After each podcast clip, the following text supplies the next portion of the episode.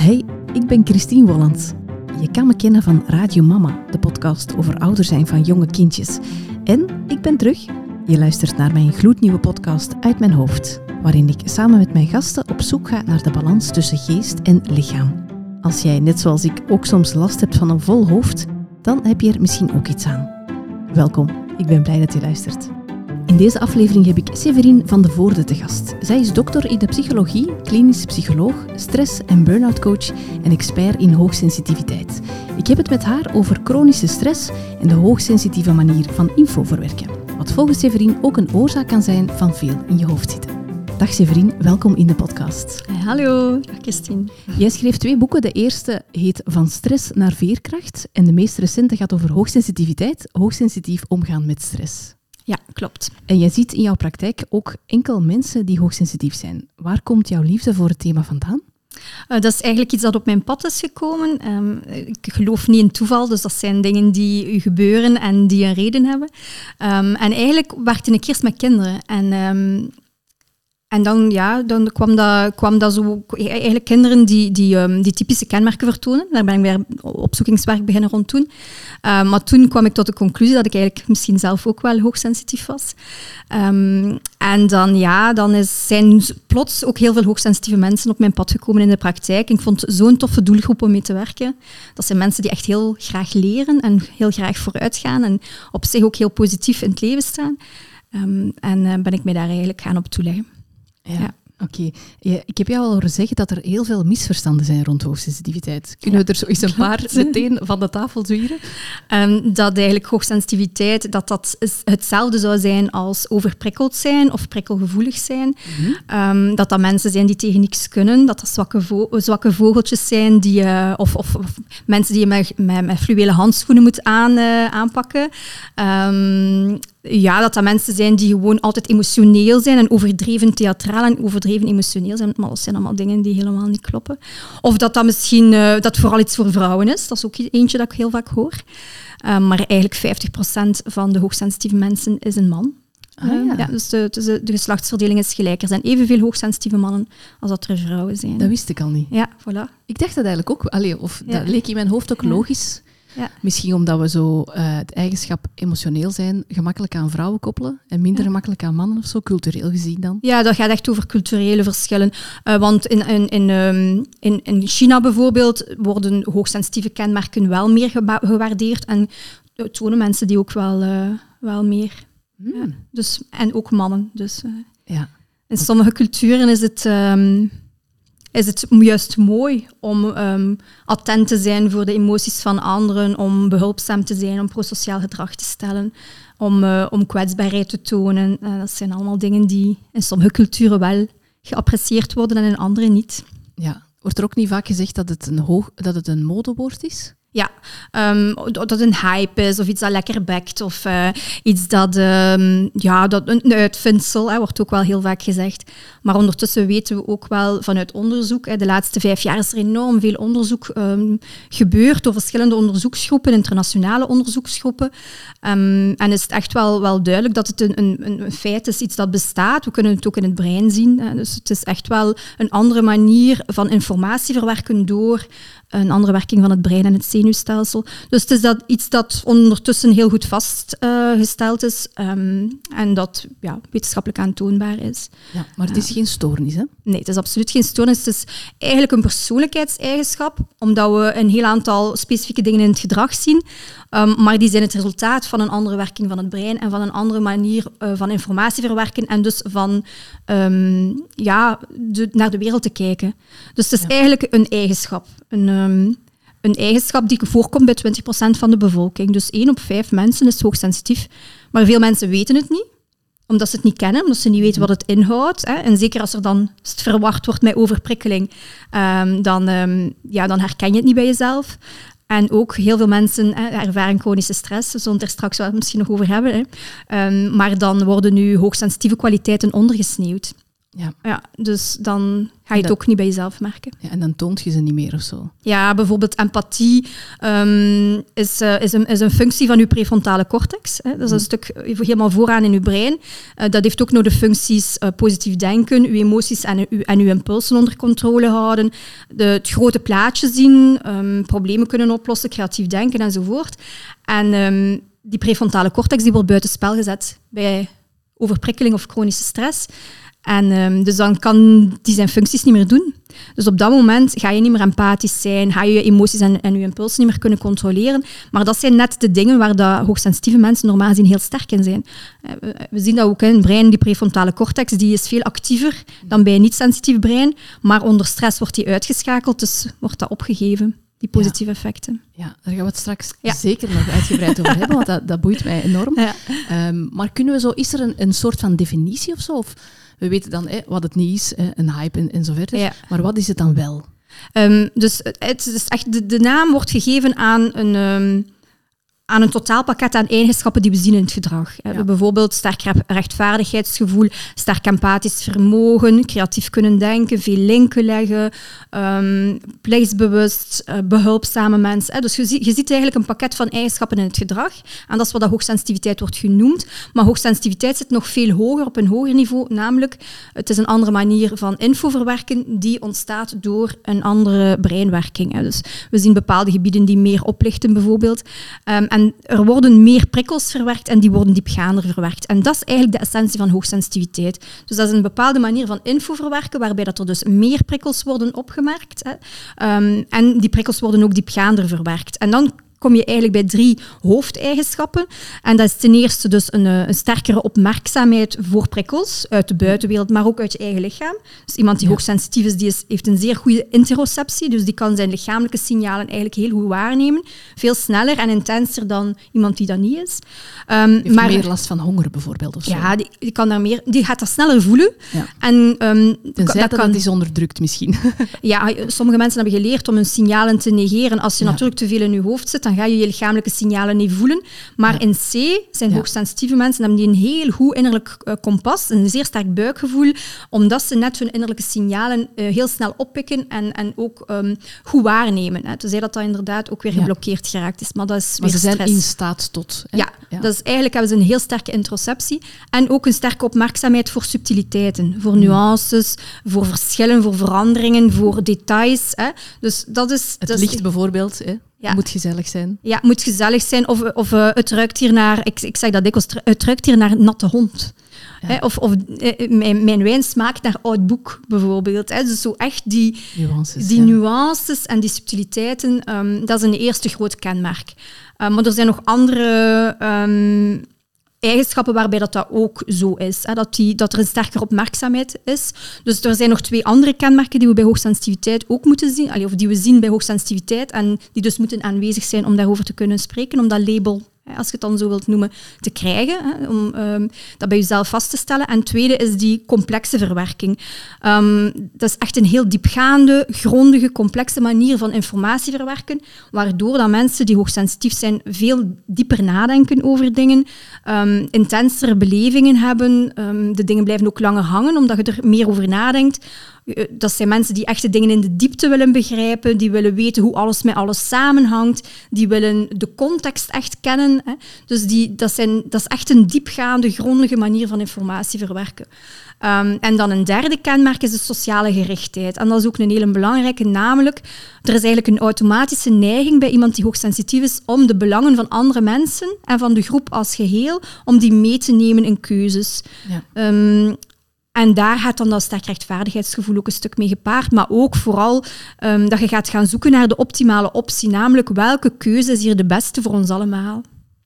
En dat is het derde kenmerk uh, dat heel hard opvalt. Um, dat is ook, je kan ook goed mensen lezen. Je voelt als mensen niet authentiek zijn. Of als was, wat ze zeggen, dat dat niet overeenkomt met hoe ze het zeggen. Dat je ziet van, oh ja, ja, met alles is goed. En jij voelt in elke vezel van je lijf ja. dat dat niet klopt. Wat jij zegt en, en hoe dat jij u gedraagt, dat, klopt niet overeen. ja. En dat is, dat is echt ook iets wat er heel hard uh, uitspringt bij iemand die hoogsensitief is. Die, die kunnen echt heel goed mensen lezen en sferen aanvoelen. En je komt ergens binnen en je hebt al door, oei, er is hier oneenigheid hmm. geweest.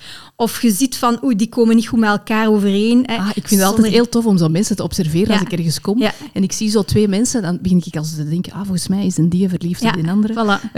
maar dat, is, voilà, en, dat, en dat is dus eigenlijk het resultaat van uh, uw brein, dat, dat in die sociale gebieden um, actiever is, maar ook die opmerkzaamheid, hè, dat eerste kenmerk, en dat diep nadenken en linken leggen. Hè. Want als jij die subtiliteiten, die een blik van die collega naar de anderen, als je dat niet opmerkt, mhm. en jij legt dan niet die linken van, ah ja, maar ja, zo en zo en zo, want die hebben in het verleden al, hè, dus je brein is al bezig met van alles te koppelen, uit het verleden, uit de toekomst, uit het heden, je legt al die info samen, en je sociaal brein is actiever. Dus dat is de reden waarom dat je dat kunt.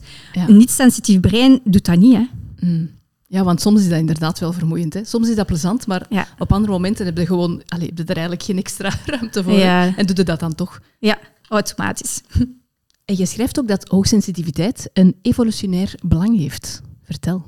Ja, dat is dus eigenlijk een kenmerk dat al sinds de oertijd aanwezig is. We zien het trouwens ook bij dieren, hè, dan niet in de persoonlijkheid, maar wel in de strategie die gebruikt wordt om met nieuwe situaties om te gaan. Um, dus de, de, strategie die hoogsensitieve personen gebruiken, dat is de stop-and-check-strategie. Dat betekent, als je in een nieuwe situatie terechtkomt, dat je eerst een beetje de kat uit de boom gaat kijken, dat je de tijd gaat nemen om alle informatie te verzamelen, om dan te gaan beslissen welke actie dat er nodig is. Uh, dus dat is bedachtzamer, meer wikken en wegen, um, meer reflecteren ook, hè, meer reflectief. Um, en natuurlijk in de oertijd, uh, was een vijfde van de, van de populatie was ook hoogsensitief. Maar dat was goed, omdat we dan een, ehm, een veilige plek konden vinden voor de groep. Hè. Dus je had de durvers, de jagers, die, um, die, geen, allee, die gevaar trotseren en die gewoon overal recht, recht, eh, recht op, op afgaan. En dan heb je de mensen die, die sensitiever waren, die eigenlijk gingen zeggen van oei, wacht, we gaan even kijken, even afwachten. Mm. Waar zitten er hier tijgers? Waar zijn er hier bessen? Dus zowel kijken naar een veilige plek, maar ook een opportune plek. Ehm, waar dat eigenlijk alle generaties zich op hun gemak zouden voelen, waar dat er bescherming mogelijk was, um, waar dat er gemakkelijk aan voedsel kon geraakt worden. Dus het was en gevaar checken en ook kansen um, zien. Maar moest heel onze bevolking uh, hoogsensitief zijn, dan zouden we niet meer tot actie overkomen. En dan zou er misschien te veel nagedacht worden van is dit hier de juiste keuze? Uh, dus het is evolutionair belangrijk, maar we hebben alle vormen van sensitiviteit nodig. Ieder heeft zijn rol. Ja, in, Onze, in, in, onze populatie, voor de overleving van de soort, heb je de verschillende niveaus van sensitiviteit nodig. Ja. Ik denk dan zo meteen aan, aan als mensen zo elkaar vinden in die hoogsensitiviteit, dat je zo alleen nog maar hoogsensitieve vrienden hebt, dat is dan eigenlijk niet zo heel gezond of zo. Allee, of niet zo evolutionair heel. Het is natuurlijk, we worden niet meer bedreigd door tijgers en zo. Hè? Nee, we leven niet meer in stammen. Hè. Nu kiezen we zelf met wie dat we Hè, vroeger was dat je familie, je stam. En dan moest die diversiteit er ook zijn. Uh, en nu, nu kan je meer gaan kiezen van uh, bij welke mensen... Er is ook inderdaad geen levensbedreigende situatie meer. Hè, maar het, eigenschap bestaat nog altijd. De eigenschap bestaat nog altijd. Ja. Um, en zal nu nog altijd zijn nut hebben. Hè, want dat zijn ook mensen die inderdaad ook uh, met klimaat bezig zijn, met onrecht bezig zijn. Dat zijn de voorvechters, dat zijn de Jeanne d'Arcs van de wereld ook. Hè. Mm -hmm. um, dus gelukkig dat die kwaliteit effectief ook nog, die eigenschap ook nog bestaat, omdat we anders allemaal voert zouden zeggen tegen wat er in de wereld zich soms afspeelt. Ja. Maar ik denk dat het misschien ook wel nuttig is om het ook te blijven verbinden met die mensen die op een andere manier sensitief zijn, omdat die ons misschien versterken in de stukken die wij dan bijvoorbeeld moeilijk vinden. Ja, dat kan. Um, als we kijken naar relaties bijvoorbeeld, zie ik eigenlijk evenveel hoogsensitieve mensen die voor een hoogsensitieve partner kiezen en daar heel gelukkig mee zijn, mhm. ehm, als mensen die voor een niet-sensitieve of minder sensitieve partner kiezen, Omwille van de complementariteit natuurlijk. Ja. Ehm, als je iemand hebt als partner die impulsiever is en, en meer um, uh, voor verrassingen hè, gaat. En, en dan krijg je natuurlijk wel wat avontuur en wat, word je wat uitgedaagd. Of hey, we worden misschien soms wat met je voeten op de grond gezet, terwijl je soms te veel in je hoofd gaat over van alles gaan piekeren of, of alles groot maken, alle problemen groot maken. Omwille van die diepgaande verwerking kan een minder sensitieve partner u dan wel helpen om... Wat ik al meer, ja. ja. om daar een beetje meer in te relativeren of om dat wat minder gewicht te geven. Um, dus ja, inderdaad. Ik denk Het is interessant. Het is echt nodig dat je ook met andere hoogsensitieve mensen um, in gesprek gaat, omdat je dat niet alleen voelt. Hè? Want het is echt wel een andere manier van naar de wereld te kijken. Wij zien dingen die anderen gewoon ontgaan. Um, wij merken dingen op. Wij, wij maken ons, allee, wij zijn bezig met dingen waar de andere mensen zoiets van hebben van maar laat dat toch los of waar, waar, waar, waar zit jij mee bezig? Maar wij kunnen dat niet, omdat die diepgaande verwerking, dat is automatisch. Hè? Wij kijken gewoon helemaal anders naar de wereld. We hebben een vergrootglas hè? en, en, en, we, en we hebben de puzzeldoos zeg ik altijd. Hè. Dus je hebt het vergrootglas, waardoor dat je veel meer details ziet, dingen die andere mensen niet zien. Maar je hebt ook de puzzeldoos. Hè. Dus iedereen heeft de stukjes van de puzzel, maar wij hebben ook het totaalplaatje. Wij weten waar het er naartoe gepuzzeld wordt. Ja. En dan, dan, heb je, dan ga je heel vaak mensen tegenkomen die zoiets hebben van, maar ja, jij ziet beren op de weg, omdat jij al weet van, dat gaat niet lukken. Hè. Of als we dat zo gaan doen, dan gaat dat gebeuren, en die gaat dat doen. En, hè, en je bent al aan het anticiperen als dan. En die anderen zien dat niet. En die hebben zoiets van, maar ja, hij maakt het toch altijd zo moeilijk. Je hebt alle potentiële gevaren al ja, bedacht. maar ook de kansen. Hè? Want ja. mensen die hoogsensitief zijn, dat zijn goede risicomanagers. Die kunnen alle um, potentiële problemen eruit halen. Maar dat zijn ook degenen die de gaten in de markt ontdekken. Ja. Dat is een van mijn missies, is om echt die correcte kennis in de wereld te zetten, zodat we ons niet meer moeten schamen om ermee naar buiten te komen en zodat we kunnen floreren. Want als wij heel de tijd onze hoogsensitieve kenmerken gaan wegsteken, hmm. omdat we zoiets hebben van, ja, maar ik, ik zie andere dingen en blijkbaar is dat hier niet juist, want de rest ziet het niet. Ja, je wilt inpassen, hè? Ja, dat doe je. Hè, dat doe je. Als hoogsensitief persoon ben je ook super gevoelig voor de verwachtingen van anderen. Dus ga je nog meer risico lopen om je aan te passen aan wat dat normaal is. En zeker, hè, of wat dat typisch is, hè, laat het zo zeggen.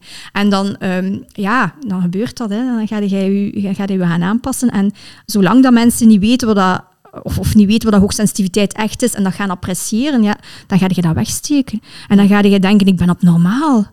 Die zien dat allemaal niet.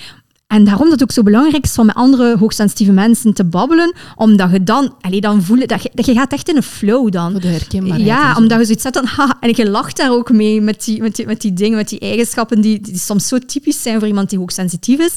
En iemand die dat niet is, die herkent dat niet. En dan moet je niet meer anders voelen, dan moet je niet meer schamen. Dan kun je eigenlijk echt zeggen van oké, nu kan ik iets doen met mijn kwaliteiten en kan ik daarmee floreren. Um, want hoogsensitieve mensen, eigenlijk in, in de literatuur wordt um, hoogsensitiviteit ook wel omgevingssensitiviteit genoemd.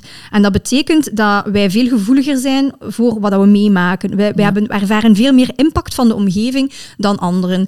En, maar dat gaat in de twee richtingen. Dus we gaan veel meer afzien van negatieve omstandigheden. Maar als wij in voedende, ondersteunende omstandigheden mogen leven en werken, dan, gaan, dan kunnen we echt bloeien, dan kunnen we echt floreren, uitblinken, ons onderscheiden van het gemiddelde. Dat zijn mensen die in hun job, hè, als ze de juiste job, de passende job hebben gevonden, echt het verschil gaan maken.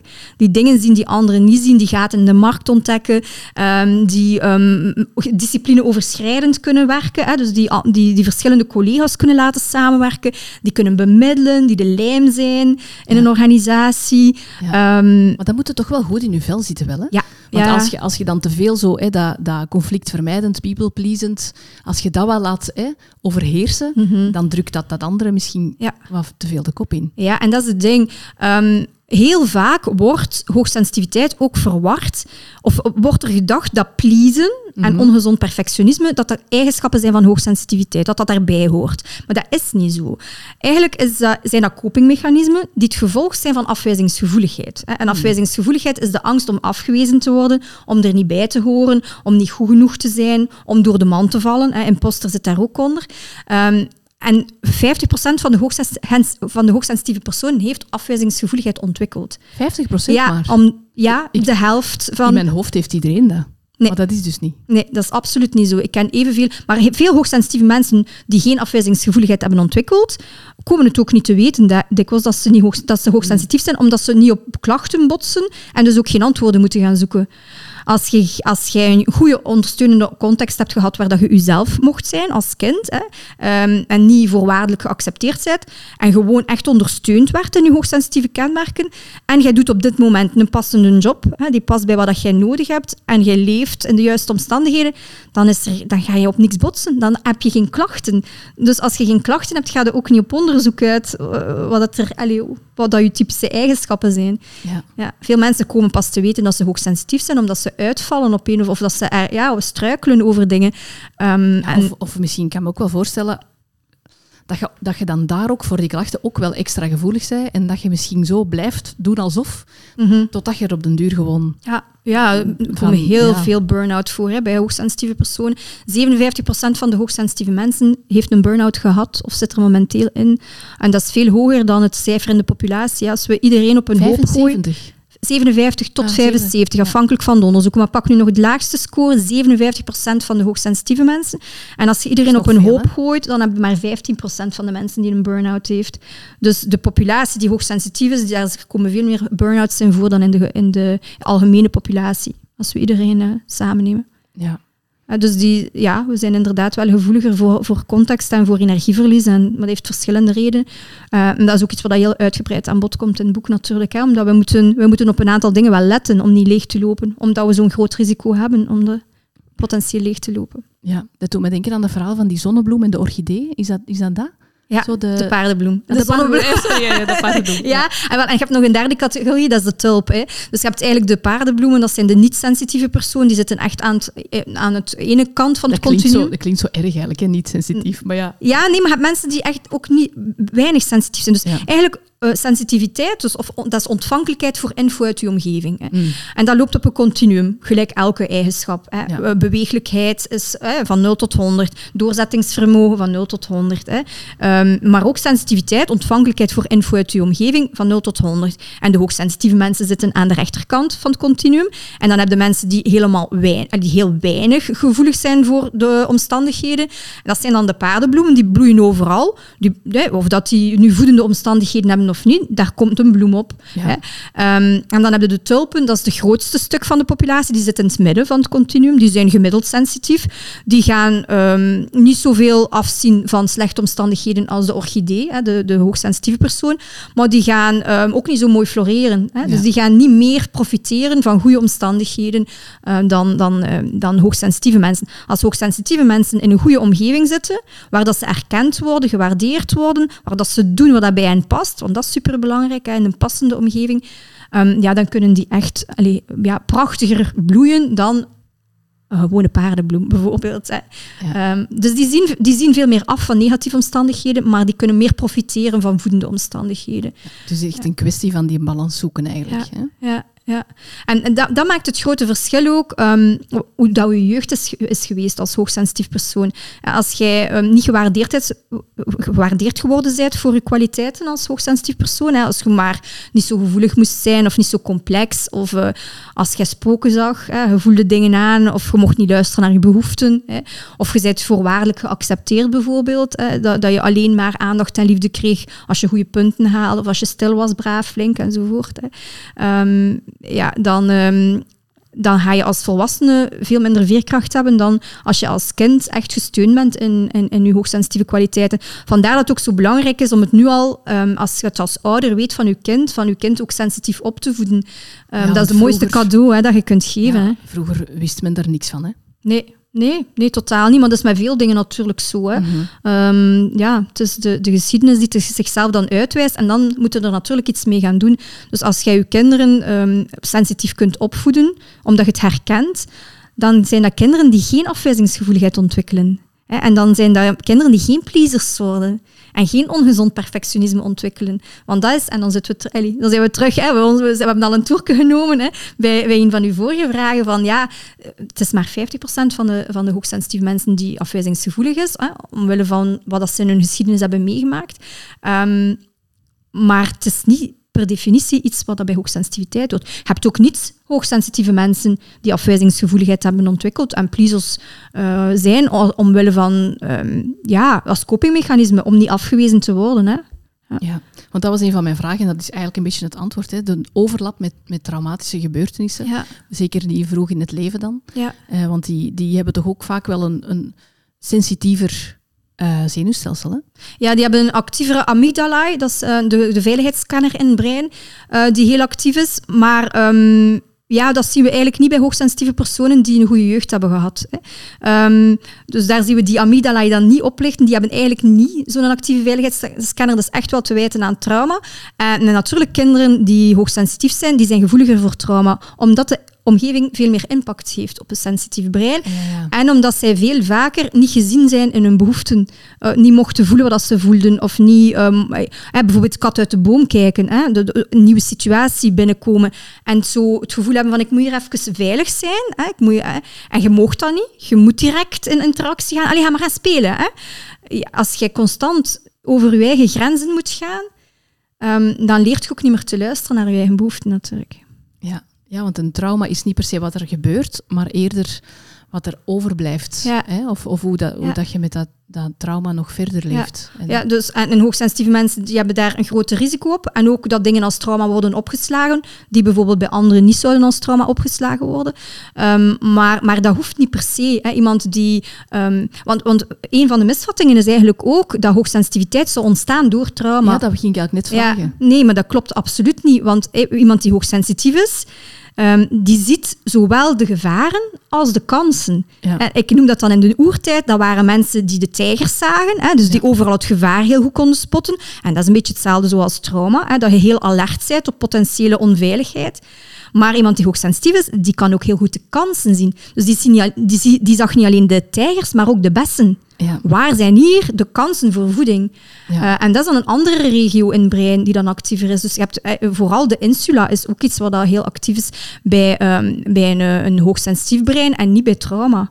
Dus we zien wel verschillen in het brein ook en we zien ook wel verschillen in het gedrag. Want iemand die hoogsensitief is en geen trauma heeft meegemaakt, daar zie je eigenlijk enkel de, de kwaliteiten, de sterke kanten van hoogsensitiviteit naar boven komen. Ja, en iemand die niet hoogsensitief is en die wel trauma heeft meegemaakt in zijn jeugd en die dan misschien nadien wel kenmerken vertoont van hoogsensitiviteit, heeft dan misschien eerder chronische stress. Ja, maar dan spreken we niet meer over de hoofdkenmerken van hoogsensitiviteit, maar net over de hoofdkenmerken van stress. Ja. Hè, overprikkeling, over emotionaliteit zijn gevolgen van stress. En eh, hoogsensitiviteit is echt die andere manier van naar de wereld te kijken, van veel meer info mee te pakken, van daar veel, ehm, van veel creatieve linken te kunnen leggen, echt bezig zijn met de groep, met anderen. Ehm, dus dat, dat staat eigenlijk los van negatieve effecten. Eigenlijk de kern van hoogsensitiviteit is, ehm, zijn, zijn kwaliteiten en talenten. Dat is Mhm. Maar het is door stress dat je allerlei negatieve effecten krijgt, die je dus ook ziet bij trauma en bij andere Ja. ehm, beelden. Maar ze zijn wel gevoeliger aan stress dan. Ja. Of Ja, iemand ze ervaren stress op een andere manier. Of niet per se. Ehm, het is zo, dat, is, dat, dat is sowieso waar, dat iemand die hoogsensitief is, die heeft een zenuwstelsel eh, of een stress en een stresssysteem, want uw zenuwstelsel en uw brein werken samen, dat is dan uw stresssysteem, dat veel vaker, sneller en intenser wordt geactiveerd. En dat heeft verschillende redenen. Eén, natuurlijk, eh, stress is een reactie op prikkels. Dus als jij meer prikkels verwerkt, dan ga je natuurlijk ook meer je stresssysteem activeren. Dus al, alleen al gewoon de manier waarop dat hoogsensitieve mensen informatie verwerken, triggert het stresssysteem. Ja. Maar dan heb je langs de andere kant hè, heb je een sterkere introceptie, dus je voelt je signalen veel beter. Dus je gaat ook sneller opmerken dat je stress ervaart. Ehm, Mm, dat is ja. een stress over stress. ja, en ja je, je, je merkt je signalen gewoon veel sneller op. Ja? En, en je, je neemt ook stress van anderen veel sneller over. Ja. Hè, ons spiegelneuronen zijn actiever, ons insula is actiever. En dat is allemaal, en ons zenuwstelsel, hè, je hebt daar met, met Lux Winnen ook over gehad, hè, de, de, de, de nervus vagus, die is ook wel actiever bij een, bij een, bij een hoogsensitief eh, persoon. Hè, dus die gaat veel meer de stress van andere mensen ook overnemen via de zintuigen naar het brein, maar ook via de elektromagnetische golven van het brein en van het hart. Dus jij kunt eigenlijk, eh, als, als je hoogsensitief bent, ga jij nog veel meer onder andere ook de emoties van anderen overnemen, maar dus ook de stress van anderen. Dat zijn dingen die je wel kunt leren om die buiten te houden, maar eigenlijk gebeurt dat vrij automatisch. Ja, dat heb ik ook En- al gemerkt en dat is heel Ja. vermoeiend. Ja. Ja, dat is vermoeiend. Hè. Daar, ik werk echt met cliënten dan heel vaak, of heel sterk op, ehm, één, bij jezelf blijven, hè, via je ademhaling echt cent- centeren, ankeren, gronden, zodat je goed in jezelf blijft, je zintuigen meer kunt afsluiten, maar ook met visualisaties. Hè. Visualisaties van bescherming. Eh, een beschermend schild rond u eh, hebben, of ehm, een kokon, een bubbel, een ei. Ehm, eh, eigenlijk maakt ons brein geen onderscheid tussen een, iets in de realiteit dat in ons brein binnenkomt of een sterke fantasie, een sterke visualisatie. Ja. Dat is hetzelfde. Ons brein maakt en ons lichaam maakt daar geen onderscheid tussen. Dus als je een heel sterke visualisatie hebt kunnen opbouwen, dan rea- reageert je lichaam alsof dat, dat echt was. Dus dan zit je echt in een beschermende bubbel. En dat is echt een manier om emoties en stress van anderen buiten te houden. En dan nog een laatste reden waarom dat iemand um, die hoogsensitief is veel meer stressgevoelig is, is omdat er um, ja, bij de manier van denken en van kijken naar de wereld veel meer stressoren komen. Hè. Als je een sterk rechtvaardigheidsgevoel hebt, ja, dan gaat onrecht gewoon veel harder binnenkomen bij je. Um, ja, veel nadenken is ook een typische eigenschap van hoogsensitiviteit, maar ja, dat is natuurlijk ook weer in je brein. dat zijn stressoren in je brein. Hè. Als je over potentieel gevaar gaat gaan nadenken, of eh, ja, wat dat ook... Piekeren, echt dat piekeren. Ja, maar dat is dan weer eh, dat is onder invloed van chronische stress. Hè. Dus uh, je, gaat, je kunt heel goed nadenken als hoogsensitief persoon, maar de, de kleur van je gedachten zal afhankelijk zijn van je mindset en van, van het feit of dat je um, in je comfort zit of dat je in overprikkeling zit. Ja, ja, want dat is bij mij ook wel zo. Ik, ik zit vaak in mijn hoofd, maar dat is ook niet altijd piekeren. Want ik herken me niet altijd per se in, in in dingen die over piekeren gaan, mhm. omdat ik ook wel gewoon heel veel nadenk over neutrale dingen. Ja. Ah, maar dat of, of over positieve dingen. Maar dat, dat, is net de kern. En dat, dat is, het is goed dat dat er ook een keer naast komt te staan, want denken is niet negatief. Denken is een, een manier om problemen op te lossen, om, uh, om vooruit te gaan, om te mhm. leren uit fouten. Hè. Uh, iemand die hoogsensitief is, is zeer sterk zelfreflectief. Hè. Die, die denkt na over de gebeurtenissen in de wereld, maar ook over hoe heb ik dat hier nu aangepakt en hoe kan ik daar in de toekomst anders doen. En dat is niet piekeren, dat is gewoon leren uit fouten, omdat, iemand, omdat die zelfreflectie net zo sterk is. En, en dat je eigenlijk altijd wil groeien. Mensen die hoogsensitief zijn, hebben, hebben enorm veel groeimarge, omdat ze willen zien hoe had ik dat hier beter kunnen aanpakken. Zonder dan in die negativiteit te schieten. Hè. Denken is echt een manier... Een ja. om, om schuld, schuldig of, of ja, want dat, daar zitten dan andere dingen achter. Hè. Maar eigenlijk op zich, hè, een, een, een, hoogsensitief brein is in staat om echt heel veel linken te leggen, om heel creatieve oplossingen te vinden voor problemen, net omdat je die complexere, diepgaandere verwerking hebt.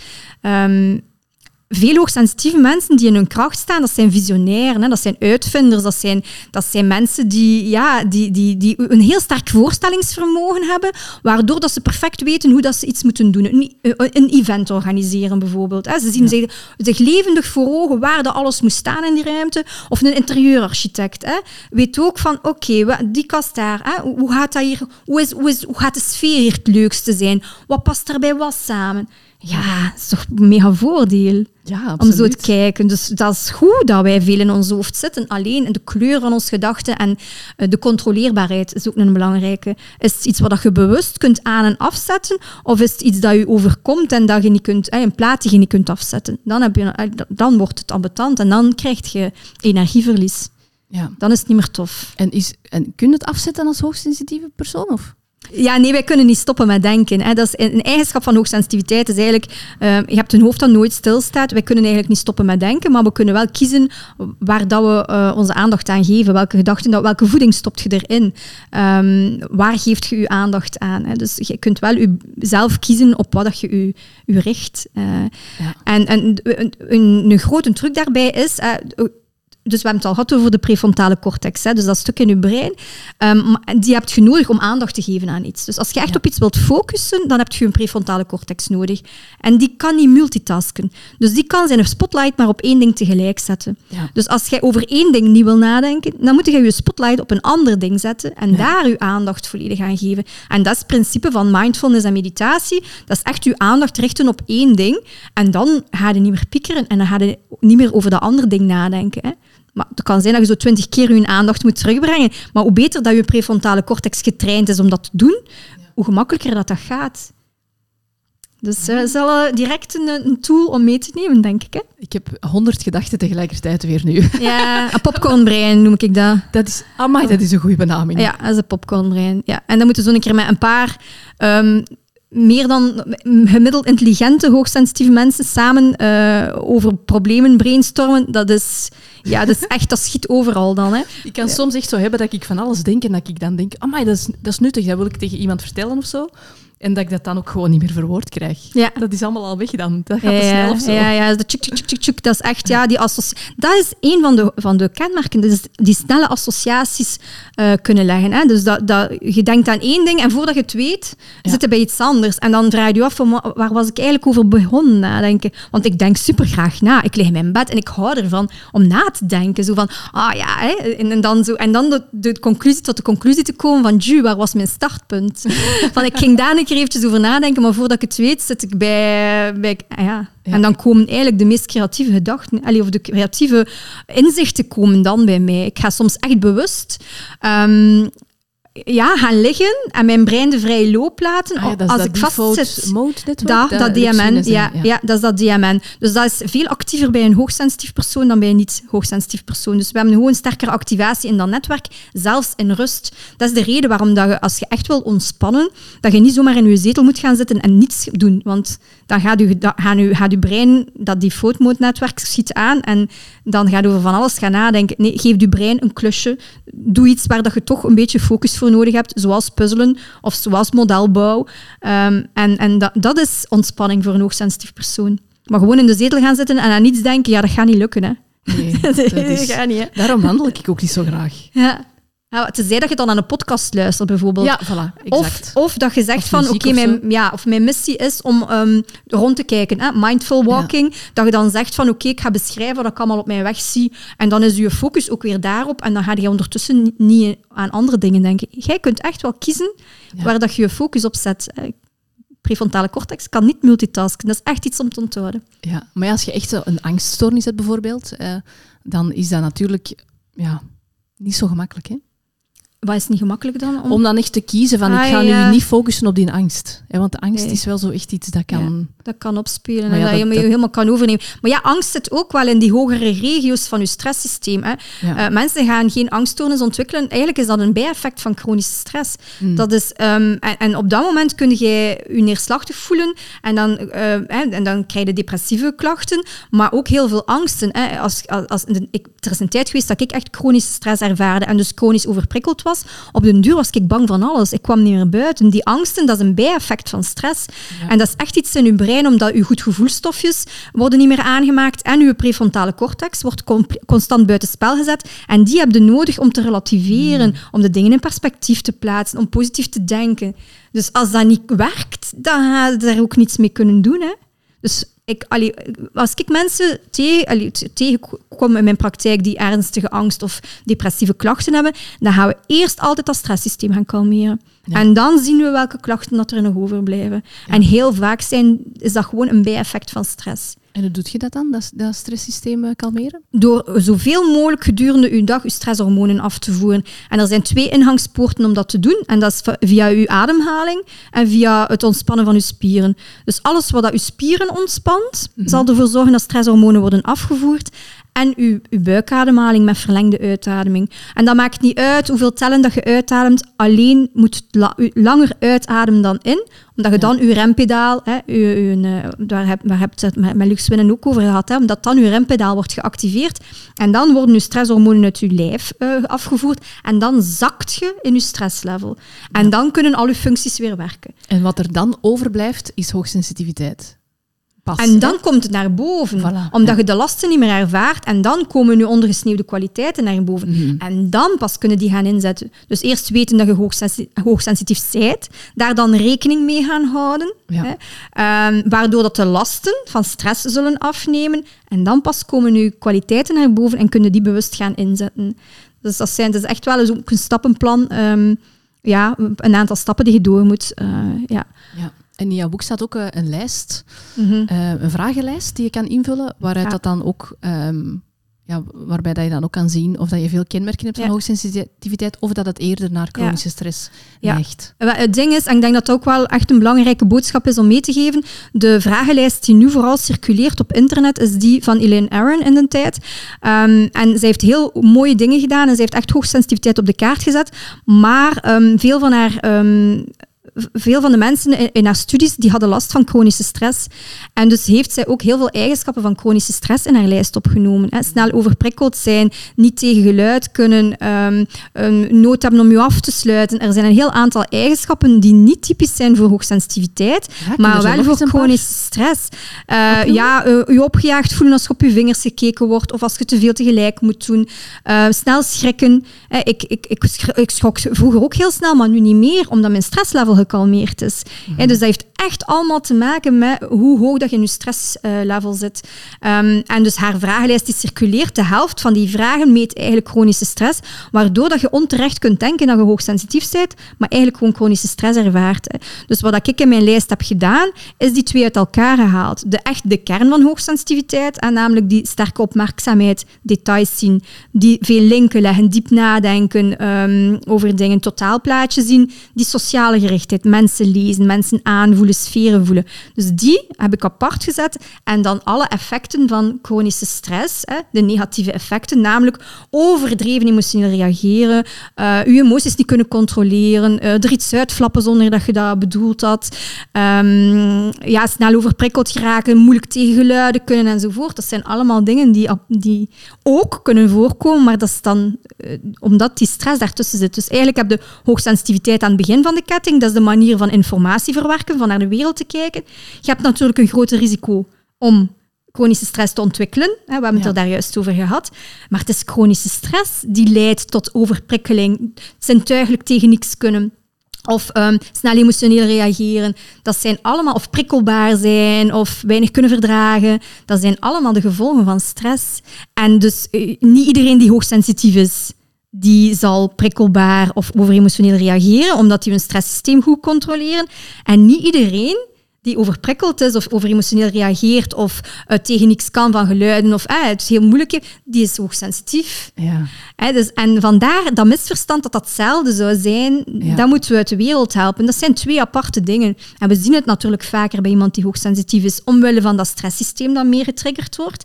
Maar het hoeft niet zo te zijn. En daar zit de sleutel natuurlijk om van hoogsensitiviteit een kracht te maken als je geen chronische stress ervaart, ga je de lasten, ga je geen lasten hebben. Ja, of als je niet hoogsensitief bent om je stress aan te pakken. Hè? Want je zou kunnen zeggen van, ah ja, maar dat komt omdat ik hoogsensitief ben. Dus ja.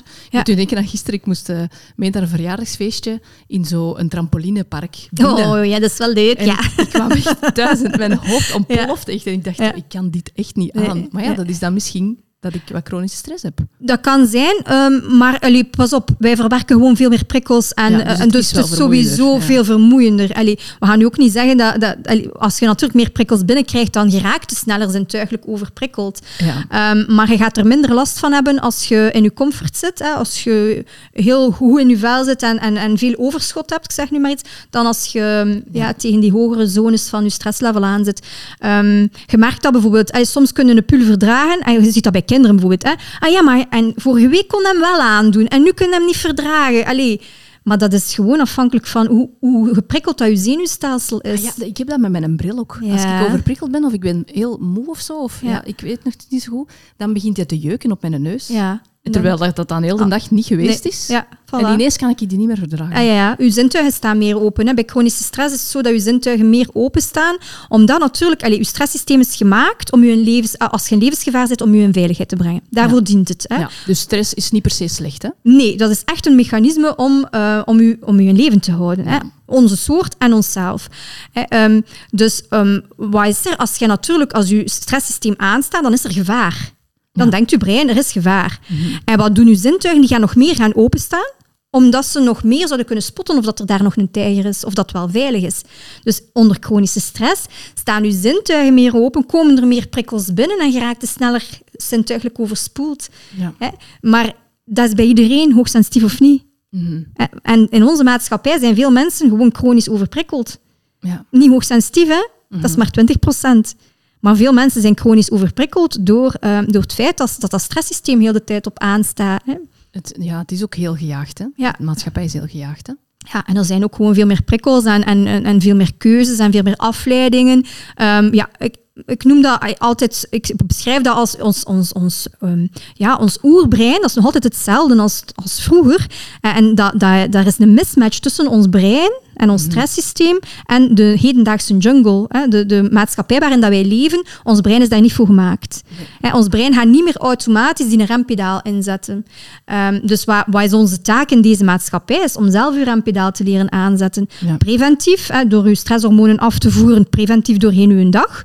Maar ook reactief als je voelt dat je stresslevel aan het stijgen is van door je ademhaling of door je spieren een keer los te schudden, van weer te zakken. Ja. En dus het is heel belangrijk om je stresssignalen te leren kennen, zodat je voelt en onmiddellijk kunt reageren ook. Hè. Ja. Ja, dat is een heel belangrijke. Dus echt dat... En uw ademhaling is de afstandsbediening daarvoor. Hè. Mhm. Trainen, trainen, trainen. Ik kan niet anders zeggen dan train op die buikademhaling. Ik train sowieso dagelijks één keer tien minuten, sa- s'avonds. Dat is dan ondertussen ook mijn manier om mijn stresshormonen af te voeren voordat ik ga slapen, waardoor dat ik minder ga piekeren of minder risico loop om te piekeren, waardoor dat ik ook beter slaap.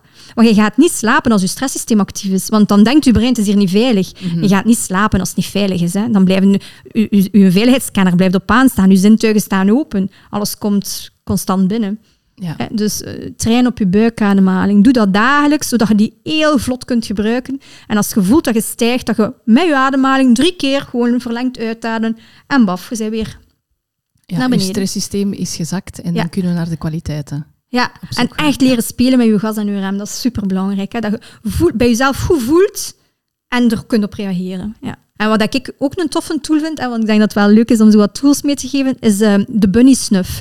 En dat is eigenlijk in drie, in drie trappen inademen en dan heel lang uit. Dus als je echt overprikkeld zit en je hebt zoiets van ik krijg mijn, die buikademhaling niet meer geregeld, dan doe je Doet een konijn dat of wat? bunny snuff. Noemen we- konijnen dat? Ja, maar dat is dat snuffelen. Hè. Ja. En in de, in, de, in de volwassen literatuur heet dat de drietrapsademhaling. Ah ja, dan is de bunny snuff wel, wel toffer en ik vind de bunny snuff tof voor kindjes. En zeker als kinderen echt over een toeren zijn. Eh, ik heb dat mijn dochter ook nog geleerd. Dan moeten die een bunny snuff doen. Dan is, Ah ja, dus echt snel. ja, Snel inademen drie keer en En dan, dan- lang uitademen. Ja. en dan. Dat, dat kan dan ook helpen als, als je buikademhaling of je verlengde uitademing niet meer lukt. En zuchten, zingen, neurien Mhm. zijn ook allemaal alternatieven als, ehm, als dat focussen op die ademhaling voor u niet zo goed werkt. Ja. Maar uw lichaam, als dat goed getraind is daarop, dan reageert dat ook vrijwel onmiddellijk. Ja. En, eh, hoe beter dat je dat en geoefend bent, hoe vlotter dat dat gaat. Hè. Ja, ja, dat En klopt. dat is echt, ik begin met mijn cliënten, die moeten niet terugkomen bij mij als ze niet eerst hun stresssysteem hebben leren kalmeren. Als ze die ademhaling onder controle hebben en dagelijks, ehm, eigenlijk, eh, ik noem dat de pauzeknop, ongeveer één keer per uur alles losschudden. Mhm. Ehm, een paar keer langs hun buik ademen, een bodyscan doen om te zien, alleen een korte, hè, zo gewoon om te voelen van, heb ik iets nodig? Heb ik klachten? Heb ik spanning ergens? Ehm, en wat heb ik nodig? Hè? Een wandeling, een babbelke. Maar gewoon één keer per uur naar binnen gaan. In plaats van in de, hè, in de malle molen te, te blijven verder doen, gewoon even je stresssysteem kalmeren. En die introspectie doen, hè, dan, naar- binnen gaan en een keer u afvragen van, hoe is het met mij eigenlijk? Eh, ben, ik, ben ik eh, geleefd aan het worden of ben ik er bewust nog bezig? Ja. Dat is een belangrijke ook. Ja. Ja. We hadden het daar straks ook al over. Hè? Dus de- dat hoofd dat nooit stilstaat. Ja. En een beetje zo de rode draad door mijn podcast. is dus ook een, een, allee, kan dus ook een, een eigenschap zijn. Ja. Maar ik heb zo, hè, want je zegt ook van ehm, een hoogsensitief persoon kan eh, de interne signalen goed voelen. Mhm. Eh, ik kan dat soms moeilijk. Omdat ik, denk ik, heel vaak naar mijn hoofd schiet. Ja.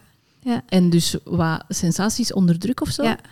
Ehm, Ja, en dat zijn twee dingen. Dus, zo, ze noemen dat dan ook wel een hoofd op poten. Zo, hè, dat je geen contact meer hebt met je lichamelijke signalen. Maar veel hoogsensitieve mensen gaan in hun hoofd gaan, gaan wonen, omdat soms emoties te heftig zijn Ja. en voelen te heftig is. overweldigend, Ja.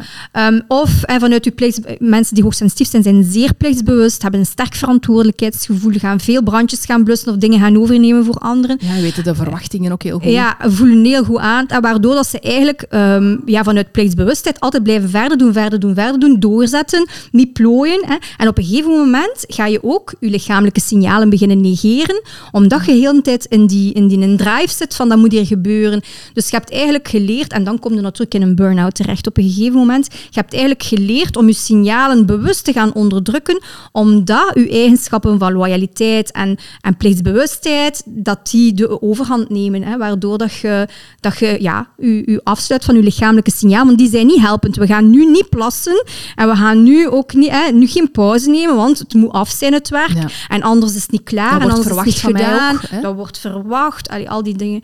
Ehm, maar het kan ook zijn dat je het gewoon als kind niet geleerd hebt om bij je gevoelens stil te staan, omdat je behoeften er niet mochten zijn. Hè? En dat je eigenlijk, of, of dat je ehm, bepaalde dingen aanvoelde, maar allee, je hoorde dat je spoken zag, dus je hebt geleerd om daar niet meer naar te luisteren, want dat was toch niet juist. Ja. Ja, dat klopte niet. Andere mensen zagen dat niet, voelden dat niet. Dus wat dat jij voelt, dat klopt niet. Hè? Mm. Nee. Of ik wil dat nu hier niet doen. Nee, ik voel me niet veilig, ik wil dat niet doen. Nee, en je gaat dat toch doen. Ja. En maar je moet jij niet bang zijn, dat is je toch niet nodig. En je leert om niet meer te voelen. Ja, en, Want dat klopt en niet. alles te rationaliseren. Voilà. Dus dat zijn een aantal eigenschappen, of een aantal redenen waarom dat, dat je, eh, als je hoogsensitief bent, ook wel, wel meer in je hoofd zit en minder gaat gaan voelen. Ja. Ehm, maar dat zijn dingen die je dan wel weer kunt leren. Hè. Je lichaamsbewustzijn vergroten. Die pauzeknop waar ik het over had, dat zorgt ook wel dat je terug gaat gaan stilstaan bij je lichamelijke signalen. Je, je neemt pauze, je voert je stresshormonen af en je leert ook weer naar je signalen luisteren Ja. luisteren, voelen. En in het begin voelde niks, dat is waar. Ehm, maar hoe meer dat je dat doet, hoe beter dat dat weer lukt. En een bodyscan doen dagelijks en een progressieve relaxatie van Jacobson. Dat is je spieren opspannen, een paar tellen vasthouden en weer loslaten. Zodat je weer leert voelen wat het verschil is tussen spanning en ontspanning. Ja, yoga is daar ook een hele goede voor. ik, Yoga. Qigong, Tai Chi, alles eigenlijk waar dat je met lichaamsbewustzijn bezig bent. Ja, waar dat je weer leert contact maken met je lichaam en weer leert voelen. Ja. En dat is ook belangrijk voor je emotieregulatie, want emoties zijn ook dingen uit je lichaam, signalen uit je lichaam die je oppikt en er een verklaring dan eh, aan geeft. Ja. Dus ehm dat is heel belangrijk, omdat je net intensere emoties ervaart als hoogsensitief persoon. Hè. Je denkt dieper na over dingen, dus dingen komen ook veel dieper binnen. Je beleeft de dingen veel intenser. Het is natuurlijk heel belangrijk om, eh, om die emoties te leren voelen en te onderscheiden van elkaar en, en, en van daar woorden aan te kunnen geven. ehm, Omdat als, anders komt dat er als een ontploffing uit. Hè. Ja. Ik hoor nu daar straks ook zeggen dat je ehm, ook wel overprikkelende omgevingen probeert te vermijden. Ja. Is dat iets wat je ook aanraadt om, om mensen wel zoveel mogelijk overprikkeling en stress Ja. te vermijden? Ja, en alles, eh, dat is heel persoonlijk. Hè. Eh, Bij de ene zal een, een bepaald zintuigelijk kanaal sneller overprikkeld geraken eh, dan bij de andere. Je hebt hoogsensitieve personen die heel graag naar festivals en zo gaan. En dat zijn dan meestal ook de prikkelzoekers. Hè, want je hebt verschillende types hoogsensitieve personen. Je hebt er ook die eigenlijk echt wel prikkels opzoeken, maar daarvan dan natuurlijk ook moeten herstellen. Ehm, maar ontdek bij jezelf wat dat je energie kost, wat dat je stresssysteem activeert. En als je kunt, ja, probeer die dingen gewoon te vermijden. Ik ga nooit naar een winkel gaan, naar een supermarkt gaan, ehm, als het spits is. Eh, ik ga dat doen eh, s morgens vroeg of op de middag of online bestellen. Ehm, maar ik weet dat, mij, dat, dat, dat dat heel veel van mijn energie kost. En ik zou niet weten waarom ik dat moet gaan opzoeken als ik weet dat dat mij leegtrekt. Ja, maar je hoort wel zo vaak, als het dan over kinderen gaat, dat ze dat toch moeten leren. Zo, hè? Dat, Ja. dat, dat je ze eraan gewoon moet geraken. Ah, nee, maar doen. Maar ja. zo, zo werkt het niet. Hè? Ah, maar nee, je brein staat, allee, verwerkt gewoon veel meer prikkels. Dat gaat er niet stoppen. Je gaat je brein niet veranderen. Het enige dat je gaat leren is om er niet meer naar te luisteren. En dan Voilà. krijg je natuurlijk mensen inderdaad in mijn praktijk, eh, eh, chronische stress, burn-out, ehm, die niet geleerd hebben, om, eh, die altijd geleerd hebben om over hun grenzen te gaan. Ja. En dan kun je grenzen ook niet meer aangeven. Hè. Eh, Dat, dat zie ik ook heel vaak. Ik durf mijn grenzen niet aangeven. Ja, maar je voelt ze zelfs niet. Dus ja, laat staan dat je ze kunt aangeven. Ja. Ja, Ja, daar en als je zelf beter begrijpt waarom je die grenzen nodig hebt, is het ook gemakkelijker om ze te stellen, Ja. eh, zonder dat je je schaamt of zo daarover. Hè? Zo van, Ja. ja. Maar je moet echt niet nodig we- ja, en jij hebt dat ja, niet nodig en ja, dat echt vragen? weten wat je nodig hebt. En daarom dat het ook belangrijk is dat, dat hoogsensitiviteit een keer wat positiever in beeld komt.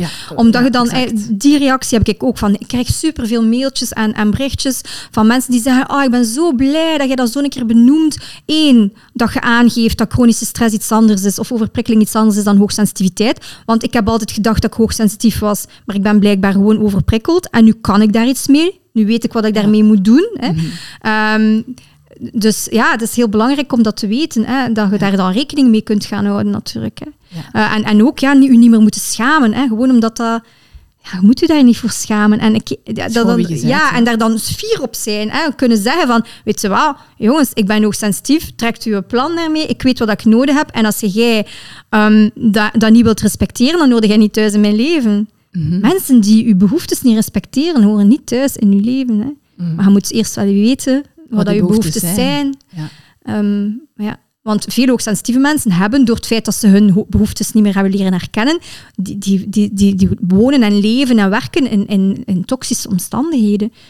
Omdat ze niet weten wat dat bij hen past en wat dat ze nodig hebben. Ja, en omdat ze ook door hun, hun gerichtheid op anderen ook heel sterk, eh, ah ja, zo- zoals dat we het al Ja. meerdere keren vernoemd hebben, hè, Ja. gericht zijn op wat voor anderen van mij verwachten en, en, Ja, om erbij te blijven horen. Ja, en vaak zit ook weer die afwijzingsgevoeligheid daar wel in hoor. Want als je natuurlijk gevoelig bent voor, ehm, voor afwijzing, dan ga je ook je best doen om vooral niemand op zijn tenen te trappen en, en door iedereen leuk gevonden te worden. Hè. Ja, en dat is weer iets waar je mee, mee kunt. Daar kun je echt, je moet dat niet accepteren. Nee. Pleasen en ongezond perfectionisme. Perfectionisme is normaal voor iemand die hoogsensitief is, want je hebt een sterk oog voor detail, eh, Ja. oog voor schoonheid, harmonie, totaalplaatje. Je voorstellingsvermogen, wat dat iets kan worden, zorgt er gewoon voor dat jij ook kwaliteit aflevert, de puntjes op de i zet en wilt dat het goed voelt, mooi Ja. voelt, kloppend. Hè. Ja, maar, Maar het mag niet te ver nee, het- doorslaan. Het wordt ongezond als je er de slaaf van bent. Als Voilà. jij geen keuzevrijheid meer hebt. Of dat voor futiliteiten gaat gaan inzetten. Voor dingen die niet belangrijk zijn. ja. Hè. Maar, ehm, maar pleasen en ongezond perfectionisme, dat hoeft je niet te accepteren. Dat is echt kom afmaken met je afwijzingsgevoeligheid. En jezelf weer leren waarderen. Weten wie dat jij bent. Wat dat je kwaliteiten en je talenten en je waarden zijn. Ik noem dat lege midden voeden. Eh, veel hoogsensitieve mensen die afwijzingsgevoeligheid hebben ontwikkeld, die hebben een, een leeg midden. Die weten het niet meer wat dat ze nodig hebben en wat dat ze willen en wat ze leuk vinden. Dus dat weer leren kennen. Eh, en dan de juiste keuzes maken. En dan ben jij niet meer afhankelijk van de mening van anderen. Want als jij jezelf waardeert, dan heb jij de waardering van anderen niet nodig. Het is leuk als iemand u dan een keer een complimentje geeft. Maar eigenlijk in de eerste plaats moet je waardering van jezelf komen. En dat komt alleen maar als je doet wat dat bij je past. Als jij... ehm, ja, je gaat maar successen boeken als je met kwaliteiten bezig bent. En niet als je met, met dingen bezig bent die eigenlijk je heel veel energie kosten. Of waar dat je eigenlijk helemaal ja, niet, niet vrolijk van wordt. Ja. En daar is het probleem natuurlijk. Hè? Oké, laat ons misschien afsluiten met de positieve kanten. Hm? De mooie kanten van hoogsensitiviteit. Ja, wel de, de drie hoofdeigenschappen, met dan alles wat erbij komt. Hè. Intens kunnen genieten, eh, dingen zien die anderen niet zien en daar iets mee kunnen doen. Ehm, Dat is een sociaal voordeel. ja, absoluut. Ja. Iemand, een hoogsensitieve persoon die in zijn kracht staat, die, die, die weten hoe dat ze dingen moeten zeggen aan andere mensen om te bereiken wat ze willen bereiken. Die hebben alles door en die weten hoe dat ze eh, iets moeten aanpakken ehm, om de andere positief te beïnvloeden. Hè. Ehm, heel veel linken leggen tussen informatie, het totaalplaatje zien, heel veel creatief denken. Ehm, dat, zijn, dat zijn al heel veel voordelen hè, natuurlijk. Hè. En empathisch vermogen, mensen kunnen lezen, voelen of dat iets veilig is of niet. Intuïtie, die intuïtie, ehm, behulpzaamheid, prosociaal gedrag, hè, dingen doen voor anderen zonder daar iets voor terug te verwachten. Ja, dat zijn allemaal dat zijn prachtige kwaliteiten. Ik heb hier een hele lijst liggen, maar we hebben ze niet allemaal. een goede les Ja. gegeven. Ik zou zeggen, Ja. als je dit beluistert en je bent hoogsensitief, omarm ze. Hè. Ja. Ze. Ik ga dat ook proberen doen. Pak eerst je chronische stress aan. Ja, oké. Want Eerst anders kan die, kunnen die functies niet werken in je brein. Dus pak eerst je chronische stress aan, zodat je la- lasten weg zijn, dat je hoogsensitieve kwaliteiten kunnen bovenkomen. Ja. En dan kun je er iets mee doen. En dan kun je echt het verschil maken in de wereld. En dat is iets wat heel belangrijk is voor iemand die hoogsensitief is. Diepgang, connectie, Mm. eh, het verschil maken, van betekenis zijn, zingeving. Dat is veel belangrijker voor iemand die hoogsensitief is dan iemand die dat niet is. Dus eh, Ja. Ja. Oké, mooi. Dan eh, ga ik u nog een allerlaatste vraag stellen. De vraag die ik aan iedereen stel. Wat doe jij om uit je hoofd te komen? Sowieso, eh, smiddags, eh, dan ben, heb ik al een, een hele voormiddag eh, met mijn hoofd bezig geweest. Dan is het sowieso al tijd om eh, uit mijn hoofd te komen. En dan doe ik mijn pitstop op mijn spijkermat. hè. Dus, een spijkermat is een acupressuurmat. Dat is echt iets om... Dat is een pijnprikkel. Dus je gaat eigenlijk op, op scherpe noppen gaan liggen. Hè? Dus met je rug op scherpe noppen gaan liggen. In uw, in uw kleren? Of? Ik, nee, ja, je moogt als dat te heftig is, maar ik lig daar eh, in mijn blootje op. ja, en dat is echt, in het begin was dat, was dat heel moeilijk, hè, want die pijn is zo scherp. Maar dan moet je buikademhaling natuurlijk gebruiken hè, om te zakken en om rustig te worden. En op een gegeven moment verdwijnt die pijn. Maar je lichaam maakt wel stoffen aan om die pijn eh, op te vangen. Dus je krijgt endorfines, waardoor dat je meer ontspannen voelt.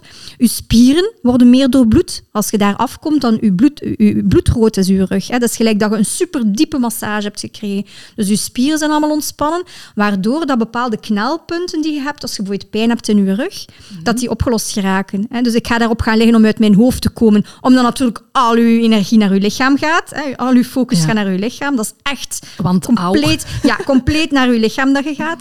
Ehm, maar ik ga daar ook bewust gaan opleggen als ik bijvoorbeeld wat last heb van mijn rug. Ik ga daar tien minuten gaan opleggen en dat is over. Ja. Um, dus met spijkermat, maar ondertussen ook pitstoppen. En pitstoppen, dat is wat dat eigenlijk een powernap wordt genoemd, maar ik noem dat liever geen powernap, um, omdat het wel veel meer is dan gewoon een dutje doen. Het is echt prikkelverwerking, omdat je ondertussen ook je brein de vrije loop laat. En als jij die prikkels hebt verwerkt al, op dat moment, dan moet je dat s'nachts niet meer doen. Dus um, dat, dat zorgt er echt voor dat de dingen... Dat de is dat dan zo negen minuutjes slapen of zo? Ja, bij mij is ideaal 12. Hè? Dus ah, je moet een beetje zoeken naar je ideale timing. Uh, nooit langer dan 20, want dan, valt, uh, dan ga je naar de diepe, diepe slaap, slaap, en dan word je mottig. Dat is niet de bedoeling. Ja, dat heb ik al gemerkt, nee, je moet echt zo tussen slaap en waak blijven. Zo doezelen. De doezelslaap noemt dat. En bij mij is ideaal 12 minuten. Dus niet alleen ben ik dan uit mijn hoofd gegaan, allee, met, gefocust niet. Hè. Dat is dat DMN, dat ja. default-netwerk dat weer aangaat, uh, waardoor dat je prikkels verwerkt, maar je tankt ook energie bij. Hè. Dus als je echt zo'n dipje hebt, dan kun je wel hebben als hoogsensitief persoon. Um, wij verbruiken veel meer energie, uh, daar hebben we het zelfs nog niet over gehad, maar allee, we hebben gewoon ook veel meer energielekken.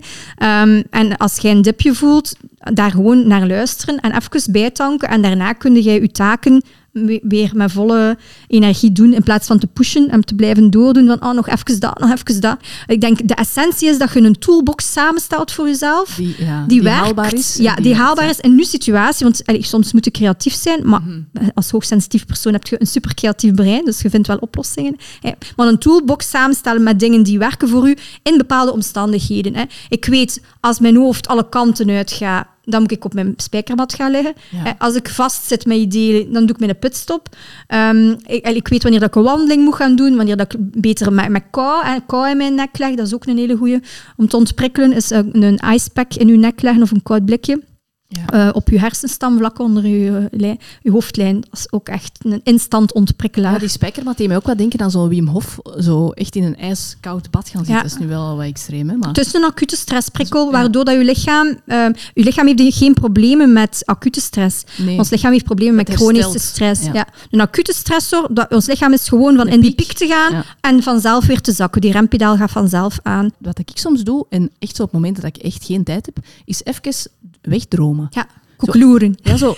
Echt, ik ben aan het dromen, zeg ja, ik dan. Ja. Als, als mijn, een van mijn kinderen iets wil zeggen of zo, dan zeg ik, wacht even, ik ben aan het dromen. En die mogen dat echt niet onderbreken, nee. totdat dat voelt van, oké, okay, nu is het gedaan. En dat doet mij echt deugd. Ja, ja dat, is, um, dat is ook weer dat DMN, dat default mode netwerk. Dat schakelt in met een pitstop, maar dat schakelt ook in als je aan het mijmeren bent, aan het koekeloeren, aan het staren. Ja, ik vind, dat is een term die ik daarvoor gebruik. Dat is echt zo, ja, koekeloeren, zo naar buiten staan kijken en zo ja, zo num zo. Hè. Ja, maar, maar er gebeurt van alles. Hè. Dat is echt dat is de verwerkingstijd. En iemand die hoogsensitief is, ver, moet veel meer verwerken, dus moet ook veel meer verwerkingstijd nemen.